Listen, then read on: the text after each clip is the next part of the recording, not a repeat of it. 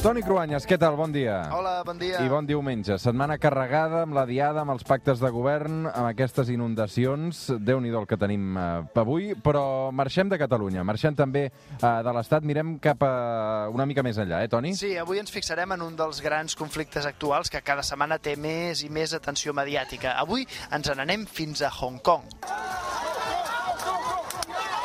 Això que sentim és el so d'una de les protestes, d'una de les manifestacions que des de fa mesos omplen cada setmana aquests carrers de l'illa. L'origen de les protestes, ja ho sabeu, una llei d'extradició, en aquest cas dels presos de Hong Kong, cap a la Xina. Sí, és un greuge que se suma a altres dels últims anys que van en la direcció que Hong Kong perdi els seus privilegis democràtics respecte de la resta de la Xina. A veure, repassem aquests privilegis. Quins són? Home, Hong Kong és una regió administrativa especial dins de la Xina, té una mini-constitució, un sistema legal, amb alguns drets democràtics com la llibertat d'expressió i d'associació, cosa que no tenen a la resta de la Xina, que és una, és una dictadura.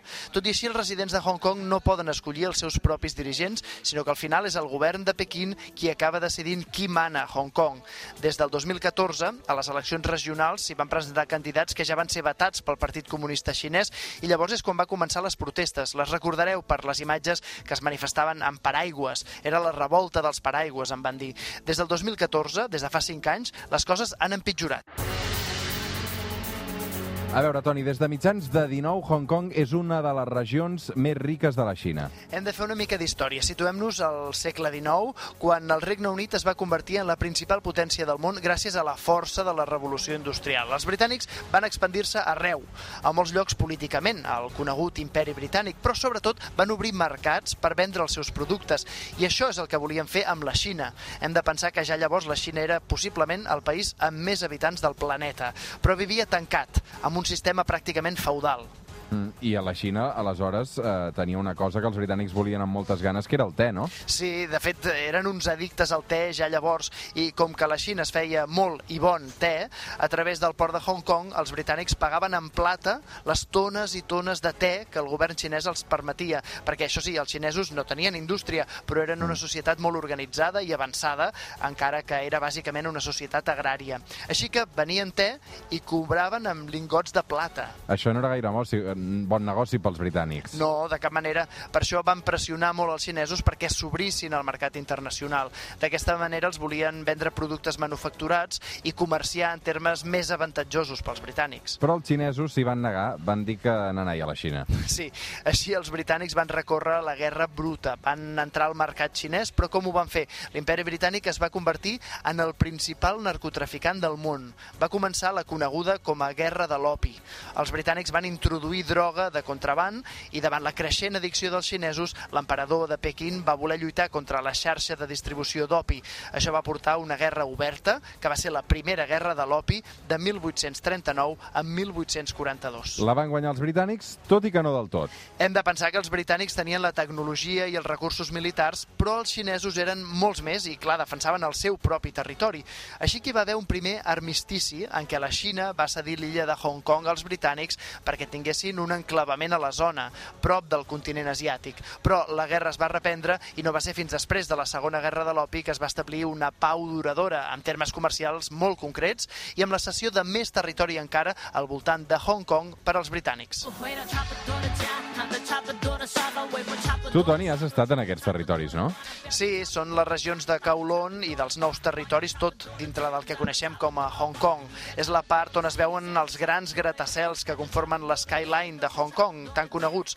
Clar, hem de pensar que des del 1898 Hong Kong ha estat capitalista, el principal centre financer comercial de tot Àsia. La població s'ha multiplicat, però clar, el territori era molt minso. D'aquí la proliferació dels gratacels. Però ara Hong Kong ja no és britànic, forma part de la Xina a tots els efectes. Clar, el 1898 Londres i Pequín van pactar una cessió del territori de 99 anys. Així que l'1 de juliol de 1997 el príncep Carles d'Anglaterra va anar a buscar l'última bandera britànica que ja va deixar d'onejar Hong Kong. I els habitants de Hong Kong van passar de ser britànics a xinesos d'un dia per l'altre. Eh, No del tot, perquè la Xina es va comprometre a permetre el que s'ha anomenat dos sistemes, un país, és a dir, a garantir llibertats democràtiques als hongkonesos en una una llei fonamental que en principi ha de durar 50 anys. Per tant, els residents de Hong Kong tenen garantits els seus drets democràtics com a mínim fins al 2047. En teoria sí, però a la pràctica ja veiem que no estan gens contents i és que des del moment en què els britànics van marxar han deixat de tenir influència i de fet els hongkongesos critiquen els britànics perquè consideren que els van deixar penjats. I tenen raó? En part, sí, els britànics van fer servir Hong Kong mentre van poder i en van marxar quan la Xina, a finals del segle XX, va començar a despertar com el gegant econòmic i polític que és avui. Ara la Xina pot fer i desfer segons vulgui i difícilment cap altre país li pot dir res perquè controla Hong Kong al 100%. Aquesta és la realitat a dia d'avui. Per tant, sembla que no tenen possibilitats d'èxit d'aquestes reivindicacions de Hong Kong, no? Clar, eh, les seves demandes de més democràcia tindran resposta si cada cop hi ha més democràcia en el conjunt de la Xina, però no per l'ajuda d'altres països. El que està en perill és la política d'un país, dos sistemes. Però si tot el país, tota la Xina, es democratitza, mm. això, clar, també serà bo per Hong Kong. No hi haurà